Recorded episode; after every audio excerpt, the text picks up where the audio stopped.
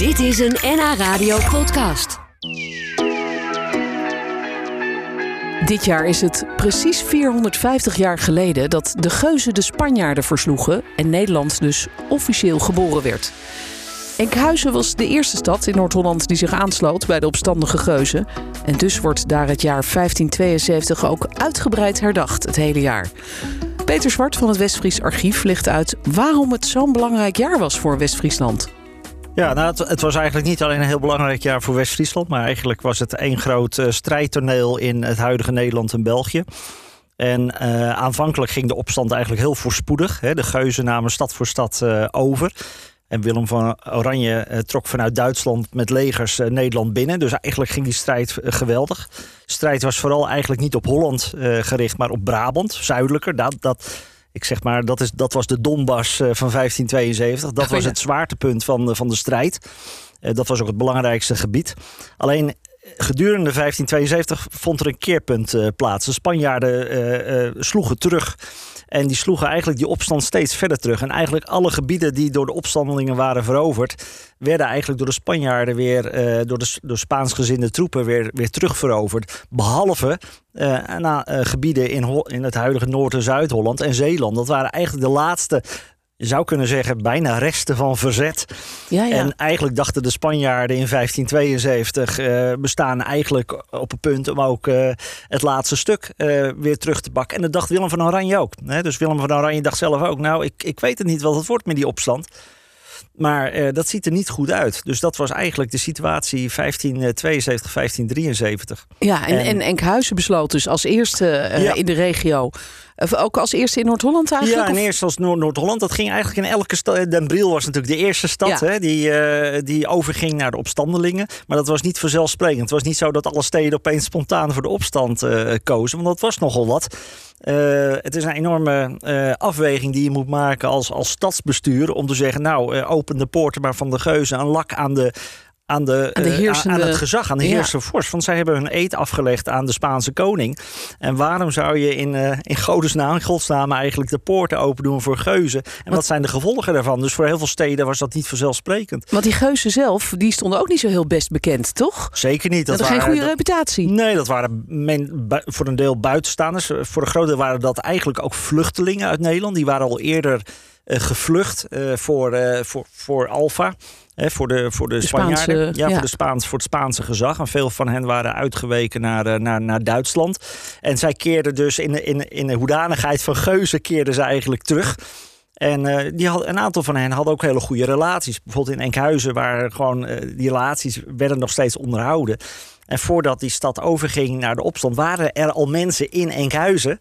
Uh, die banneling waren en die dus die, die zaak, voor die zaak stonden, zeg maar. Ja. Maar die vonden geen gewillig oor bij de burgemeester. Die al zoiets, ja, hallo, wij zijn het gezag. Ja, maar ja. kies voor Willem van Oranje. Dus er vonden gewoon in elke stad vonden eigenlijk wel vond een soort interne strijd plaats. Ja, ja dus dat, dat zorgde misschien ook voor, voor veel verdeeldheid in die steden tussen burgers onderling of tussen de burgers en het, en het uh, gezag, de burgemeester? Absoluut. Ja, je zag verschillende fracties en met name die burgerij. Daar was heel veel onvrede om allerlei redenen. Dat had niet alleen te maken met uh, religie, maar dat had ook maken met economische omstandigheden, met allerlei dingen. Maar met name dat heersende gezag, de burgemeesters van een stad, die waren ja, in de meeste gevallen toch wel die, uh, nou, heel behoedzaam. En die, uh, die zeiden niet direct, ja, uh, laat die geuzen maar, uh, maar nee. binnen. Nee, want die geuzen die hadden toch ook een slechte naam? zeker, zeker. Ja, de Spanjaarden natuurlijk ook, hè, alle twee. Ja, het, het is krijgs... kiezen tussen twee kwaden twee eigenlijk. kwaden, ja. ja. Het, het, in beide gevallen heb je het over soldaten. Soms worden ze ook slecht betaald. En je weet niet of ze in hand te houden zijn. En zeker de geuzen, dat was toch een... nou ja, ongeregeld wil ik niet zeggen. Maar ja. daar zaten toch wel wat, wat figuren in... Ja. die een zeer slechte reputatie hadden. Maar dat gold ook wel voor het Spaanse, uh, Spaansgezinde uh, leger. Hè? Als Ja. dat niet goed betaald werd, had je ook eigenlijk vaak daar geen grip Ja. uh, op. Het was gewoon een ellendige situatie eigenlijk Ja. voor alle inwoners, ook, van West-Friesland. Wat, wat merkten zij vooral van de oorlog? Was dat eigenlijk vooral in de steden of vooral op het platteland? Wat... Beide, beide. Kijk, het voordeel van een stad was dat ze uh, de poorten konden sluiten. Ja. En dan kun je in principe je stad verdedigen met, met de burgerij die binnen is. Dat had het platteland niet. Hè? Dus de, de dorpen waren eigenlijk volkomen uh, overgeleverd aan uh, het krijgsvolk, de soldaten. En of dat nou Spaansgezinde troepen waren of geuzen. En ja, je moet je voorstellen dat met name het platteland in West-Friesland daar in 1572 heel veel last van heeft gehad. Hè? Dus die soldaten die eisten van alles: uh, eten, paarden, ja. kerken werden leeggehaald. En eigenlijk waren ze niet in staat. Uh, ze waren volkomen weerloos uh, eigenlijk. En ehm, ja, dat maakte tot eigenlijk voor het platteland zeker tot een rampzalig uh, jaar. Zeker niet, dat werd zeker niet als een bevrijding uh, nee, uh, gezien. Een nee, zeer onzekere situatie, omdat ze ook niet wisten.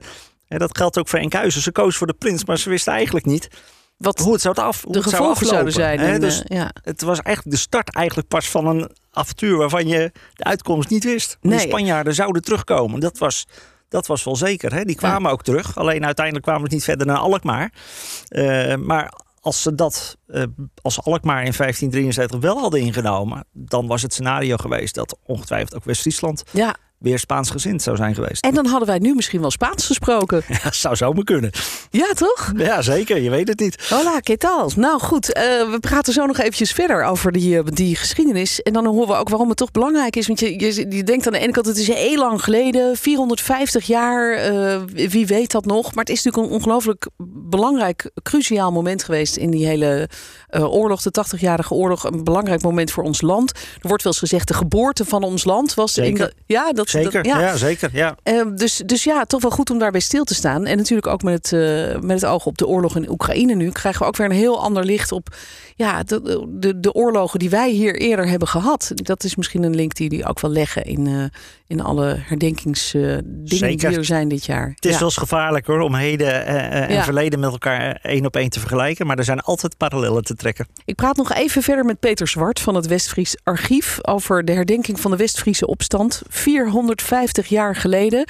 Uh, Peter, uh, het is lang geleden, maar toch belangrijk om te blijven herdenken. En dat, uh, dat doen we dus. Dat in 1572 eigenlijk Nederland... en dat begon met onder andere die opstand in West-Friesland... in Enkhuizen uh, begon eigenlijk de bevrijding van de Spanjaarden. En uh, dat wordt gevierd met onder andere, begrijp ik, een reizende tentoonstelling. Daar ben jij heel druk mee geweest. Er is ook een soort theatervoorstelling met Ad Geerdink, leuk. De directeur van het uh, Westfries Museum, die daarover vertelt. Een congres, er zijn projecten op scholen. Uh, maar even die, die tentoonstelling, daar kunnen wij natuurlijk allemaal naartoe. Wat is daarop te zien? Ja, dat is een tentoonstelling die eigenlijk uit twee delen bestaat. Een deel is ontwikkeld door een, uh, door, door een nationale organisatie eigenlijk, vanuit het Dordrechts Museum. En die hebben besloten om landelijk een reizende tentoonstelling op te zetten. En daarin wordt het verhaal eigenlijk van 1572, 73 verteld. Maar daarnaast in West-Friesland hebben we nog een... Ja, we hadden behoefte eigenlijk om, om ook het regionale verhaal en het plaatselijke ja. verhaal te vertellen. Dus wat we, hebben wat we hebben gedaan is eigenlijk, we hebben per gemeente die aangesloten is bij het Westfries uh, Archief. Daar hebben we een, een paneel, een, een, eigenlijk een modern kunstwerk uh, voor uh, laten maken. En je ziet eigenlijk op dat kunstwerk een aspect van wat er in 1572, 73 in de regio gebeurde. En dan wilden we graag zo dicht mogelijk bij de gemeenten zelf. Hè? Dus we hebben Ja, een bord voor de gemeente Horen, een bord voor de gemeente Kocheland. En we beelden daar iets op uit, wat ook echt daar in die gemeente heeft plaatsgevonden in 1572. Je hebt ook iets daarvan meegenomen, begrijp Ja, ik. Wat, ja, ik wat is twee- dat? ik Misschien twee. leuk voor, voor de mensen die meekijken via de webcam. Ga je het nu even laten zien. En voor de mensen die niet kijken, moet je maar even beschrijven wat daarop te zien is. Ja, ik laat eerst een, eh, een afbeelding zien eh, die gemaakt is eh, in samenwerking dus met Studio Louter hier uit Amsterdam. En dit stelt voor het ontvangst van Willem de Zwijger, de prins, eigenlijk de leider van de opstand, die in oktober 1572 in Enkhuizen eh, ontvangen wordt Ja, door met de eh, bevolking. muzikanten en zo. Ja, Iedereen echt wel als een feest. In Ja. Enkhuizen werd dat ook wel echt wel gevierd. Eh, men was heel blij dat ze eindelijk de leider van de opstand... Hè, want dat was, dat was eigenlijk de eerste keer dat Willem van Oranje zich oh, echt liet zien in West-Friesland. Ja. Dus die opstand was al maanden aan de gang, maar hij was nog nooit in, eh, in deze regio. Nee, hij zat eh, vooral in, in Brabant en Zeeland was hij aan het knokken, toch? Dus hij was even daar en werd toen als een soort held werd hij binnengehaald. Ja, en Ja. ik denk ook wel als een soort opluchting. Want mensen waren ook heel erg aan toe om hun leider te zien van de opstand. Want men zat eigenlijk in een situatie dat, dat men niet wist welke Nee. kant de opstand zou opgaan. Dus ik denk dat het ook een soort boost gaf. Hè, dat, Net zoals Zelensky nu in Oekraïne af en toe zich laat zien bij zijn, bij zijn manschappen. exact. Ja, dat, exact. dat geeft een enorme boost. Ja, en het andere ding wat je hebt Ja, die andere. eh, dat is een illustratie die een plundering voorstelt. Want dat gebeurde ook. Hè. De opstand ja. had het is een beetje een, een, soort kindertekening eigenlijk. Of voor hè, de, ja. soort uh, leuke... Met heel veel details. Ja. Heel toegankelijk eigenlijk. En het aardige is, we hebben niet geprobeerd om, om het 100% historisch verantwoord doen. Dat klinkt een beetje raar misschien. Maar wij wilden ook heel graag het een toegankelijke tekening laten zijn. En er zitten ook wat, wat grapjes in. Dat is okay. misschien niet altijd. Nee, dat is mo nu moeilijk dat te zien. Heel, maar... last, heel lastig. Maar bijvoorbeeld op deze tekening staat een jongetje. Die woont in dat huis. En die heeft bijvoorbeeld een robotpop in zijn. Ja, dat uh, kan natuurlijk. Ja, dat kan in 1572. Nee. Kan dat natuurlijk niet. Maar ik denk ja. als kinderen deze afbeelding zien. Dat, dat, ja. dat het ze wel dichterbij uh, bij de geschiedenis brengt. Dat hopen we vooral. Dat willen we daarmee bereiken. Ja, en, en waar kunnen wij nu dit allemaal bekijken? Want uh, is er meer informatie ook online over te vinden? Zeker. Uh, het is een reizende expositie. op dit moment is de expositie te zien in het gemeentehuis van Kocheland in, in de Goren, vlakbij Horen. En eind, vanaf eind juni gaat die verplaatst worden naar de Westerkerk in Enkhuizen en naar Kasteel Radboud in Medemblik. Dan is hij op twee uh, verschillende plekken tegelijkertijd te zien. En daar okay. zal die ook de hele zomer te zien zijn, tot in september. Ja, en ik weet dat er een website is, dat heet, die heet volgens mij geboortevannederland.nl.